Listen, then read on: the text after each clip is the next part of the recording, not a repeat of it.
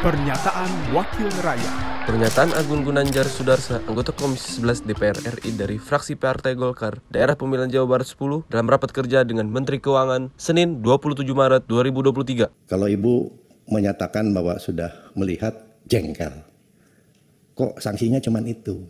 Artinya kan ada sesuatu yang bertentangan dengan dengan nurani.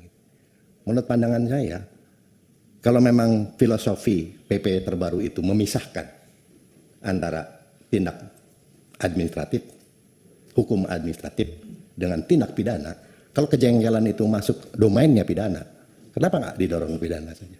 Dorong Bapak, Oke, makanya kami kasih. melaporkan ke APH untuk hal-hal seperti itu Pak. Kami Ini yang penting biar kita jangan ada kesan seolah-olah kita eh, pesan terakhir nih Bu yang terakhir. Jangan ada kesan di forum ini, terutama di jajaran Kementerian Keuangan, terkesan seolah-olah kita tuh melindungi, menutupi bagaimana kepercayaan publik ini akan terbangun.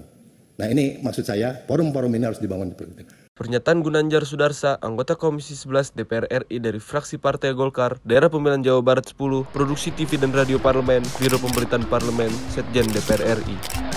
Pernyataan Wakil Rakyat